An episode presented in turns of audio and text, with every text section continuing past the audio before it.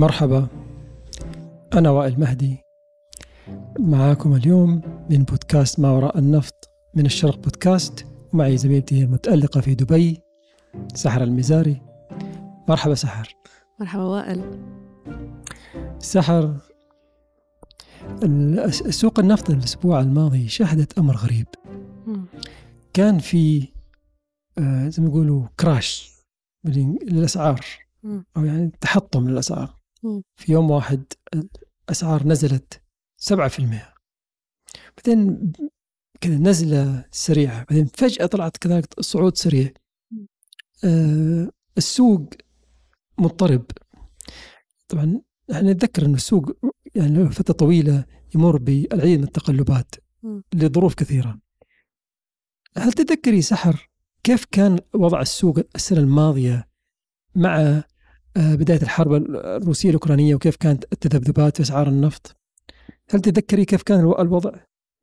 أنا بتذكر أسعار النفط نعم. بتذكر أنه أسعار النفط بالعام 2022 كانت مرتفعة وعلشان هيك شفنا كل الدول المصدرة للنفط كان عندها آه، يعني آه، ارتفاع بنمو هذه الدول لأنه أسعار النفط مرتفعة والإنتاج زاد وكان في مخاوف بالأسواق إذا رجعنا للعام 2023 على سبيل المثال آه، يعني آه، الأسبوع الماضي آه، كان في تقرير لصندوق النقد الدولي بيقول بأن الدول المصدرة للنفط خلال هذا العام أو الربع الأول من هذا العام ستشهد تباطؤ في النمو الاقتصادي ليش؟ بسبب تراجع الأسعار وتراجع الإنتاج أنا بقدر أجاوبك بطريقة أنت ترجع تجاوبني. نحن يعني قد نكون شهدنا كراش الأسبوع الماضي بس أسعار النفط متراجعة لثلاث أسابيع تقريبا بشكل متواصل يعني تذبذب وتراجعات.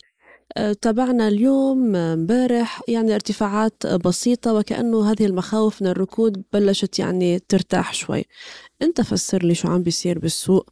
نحن آه، في بيانات اقتصادية كتير آه، فينا نحكي عن على سبيل المثال في رفع أسعار الفائدة آه، في التضخم في البيانات الاقتصادية من الصين. معدلات النمو كانت مرتفعة ولكن مش بالارتفاع اللي توقعوا يعني بيوت أو توقعته بيوت الخبرة. أيضا أزمة المصارف كل ذلك ألقى بظلاله على الأسعار. ولكن أنت يعني كخبير بهذا الشأن شو اللي صار الأسبوع الماضي وشو عم بيصير بالأسعار؟ طيب الخبير ودي أسألك سؤال سألني أنت الآن لو عندك تحويشة العمر زي ما يقولون ودك تستثمرينها مم. هل راح تستثمرينها في سوق النفط؟ هل راح تشترين فيها عقود نفط؟ مم. هل راح تضاربين على النفط حاليا؟ ولا النفط مش جاذب لك؟ أول شيء I'm not a risk taker so so, كل uh, كل السلع أو كل المجالات اللي فيها ups and downs ما راح أدخل فيها. تحويشة العمر مش راح كيف تحويشة العمر. طيب بس آه طيب لا نفرض إنك الآن okay يعني كسبتي مبلغ كذا بدون تحويشة العمر. كذا جاك مبلغ كذا جاك مبلغ كذا. آخر الشهر ولا آخر السنة كذا جاك مبلغ كذا من السماء ما تدري من وين.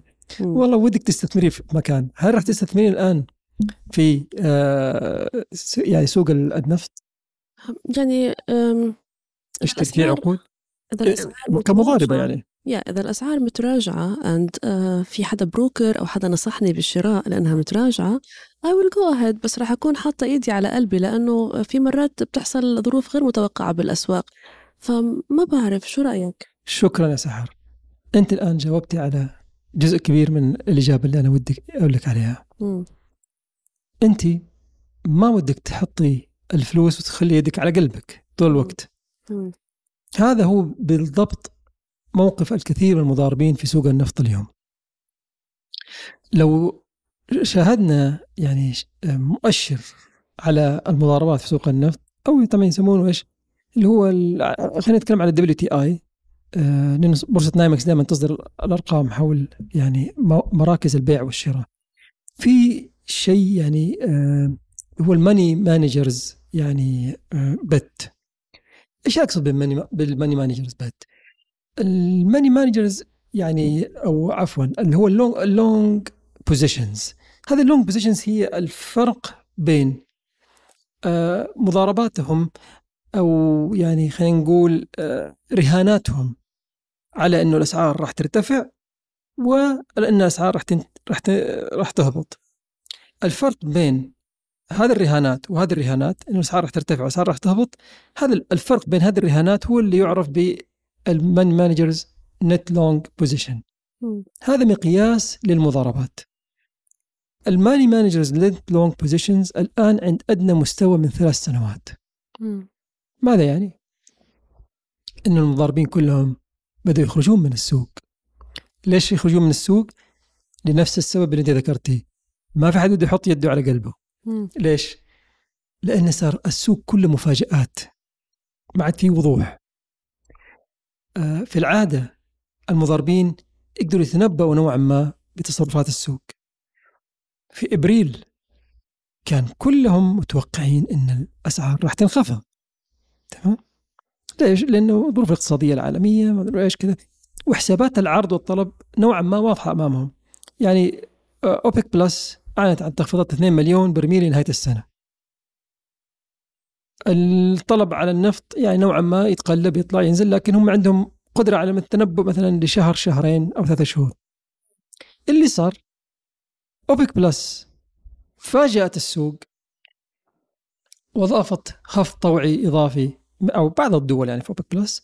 ما كان قرار التحالف كان قرار بعض الدول. قرروا يأخذوا خفض طوعي. مم. بالنسبة لكل الأشخاص اللي, اللي كانوا متوقعين الأسعار تهبط ومراهنين على هذا الأمر حطوا فلوس على هذا الأمر مم. فجأة الأمور كلها انعكست في يوم وليلة أوبك بلس قررت بصورة مفاجئة أنها آه، تخفض إنتاجها معناها دعم للأسعار فكل المضاربات وكل الرهانات على أن الأسعار راح راح تنخفض حيخسروا فيها هذه الخسارة هذه الخسارة هي بالضبط اللي بدأت تخلي المضاربين يخرجوا من السوق ما عاد في وضوح أسوأ شيء على المضاربين هو عدم وجود وضوح حول أرقام العرض والطلب يعني طيب. فترة طويلة لكن السؤال اللي بسألك إياه هل نحن نحتاج المضاربين في السوق سحر؟ ولا المضاربين زي ما إحنا نعرف إنهم أشخاص سيئين وبيحركوا الأسواق يعني لمصالحهم الخاصة وبيسببوا خسائر للتداولات. دائما المضاربات تذكر بصورة يعني إيش؟ سلبية.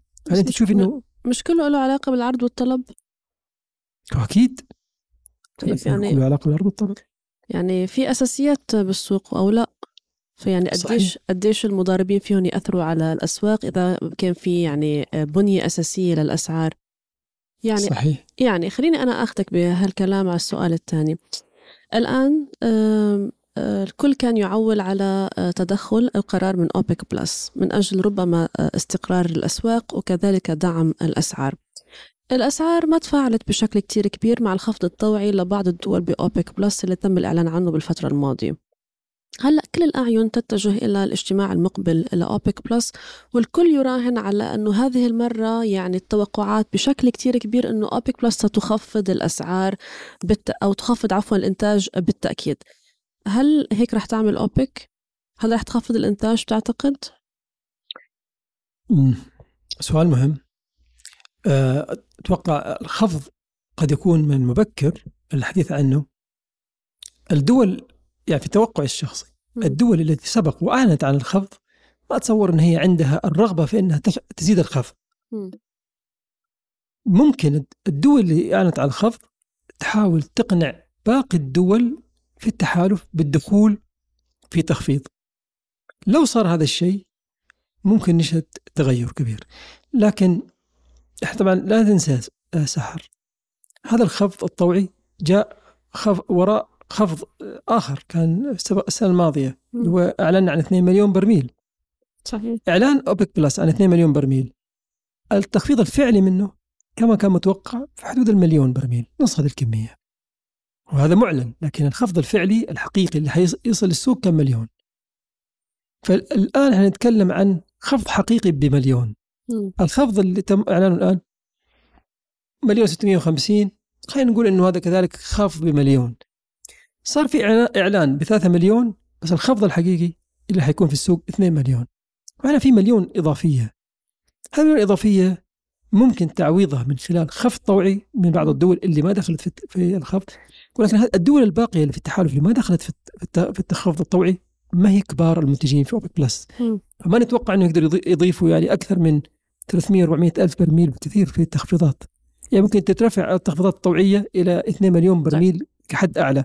هل هذه كافية؟ ممكن. ما هي كافية ل يعني إعادة التوازن للسوق إذا انخفض الطلب أكثر. لكن حاليا الكل يرى إنه ما في حاجة لأي خفض آخر. السوق إذا رأينا السوق آه، بحسب كلام بعض الشركات زي شل مثلا سي أو شل طلع قبل كم يوم في آه، في إعلان النتائج المالية لشل وقال إن السوق الآن تايت يعني في شح. نوعا ما العرض قاعد يتماشى مع الطلب. أي مفا... أي زيادة مواجهة في الطلب الآن أو عفوا في ال... نعم في الطلب ما راح يواجهها أي مقابل في العرض. طبعا. هذا في السوق الفعلي.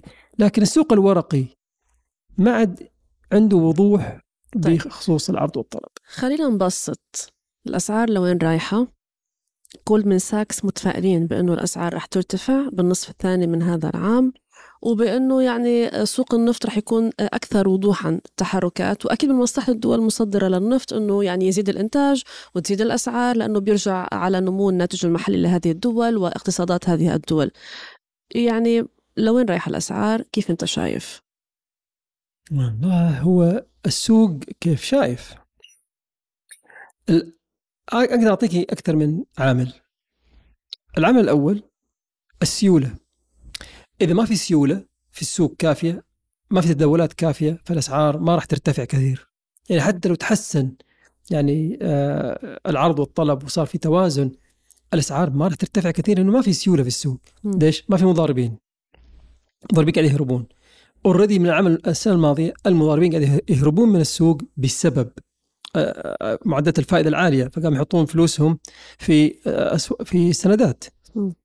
فهذا العمل العمل الأول. العامل الثاني هل الأسعار راح تتحسن في النصف الثاني أو لا؟ بسبب الصين. إلى الآن ما في وضوح حول الصين. كان في وضوح بداية العام الآن هذا الوضوح نوعا ما بدأ يضعف خصوصا إن باقي العالم الآن بدأ يعاني بدأ ندخل في مشاكل آه، اقتصادية.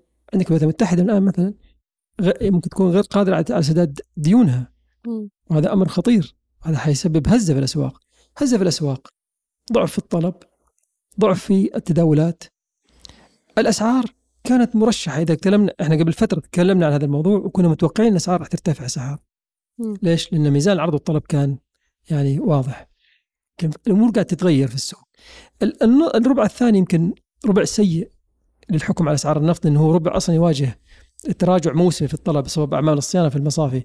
بس نتكلم عن الربع الثالث. يمكن بنهايه الربع الثاني راح نقدر نشوف ونتنبأ كيف حيكون باقي العام. ويبقى أملنا الوحيد بعد الصيف هو الشتاء. إذا الشتاء ما كان بارد فمعناه أن الطلب ما راح يتحسن بصورة كبيرة. آه، أمامنا شهرين مايو ويونيو شهرين حاسمة. ولهذا السبب أتصور أوبك, أوبك آه، قررت أنها تعقد اجتماعها آه، السنوي هو الأول هو طبعا اجتماعين في السنة. اجتماع الصيفي راح يكون حضوري. معنى كلمة حضوري الموضوع في مواضيع كبيرة ومهمة لازم يتناقشون فيها. ليش؟ لأن في ضعف ممكن يتوقع قادم للسوق فممكن الكل يحاول يستبق هذا طيب. الأمر. فالأسعار إلى الآن في يد الرحمن والكل يده على قلبه. طيب. ف رح نترقب اجتماع أوبك المقبل رح نترقب الأسواق ورح نترقب فصل الشتاء على العموم. يعني فصل الشتاء هو الفصل المفضل بالنسبة آه، لإلي. أفضل من الصيف كثير ما له علاقة بأسعار النفط الا على يعني إن شاء الله إن شاء الله الجو يتحسن هذا الشتاء وإن شاء الله الأسعار تتحسن. ملابس دافي على كل الأحوال وصلنا لنهاية ما وراء النفط. شكرا وائل وكنت معكم نهاية ما وراء النفط اليوم. راجعين لكم مرة ثانية. اليوم بس. الله يعطيك العافية. شكرا سحر. شكرا. Thank you.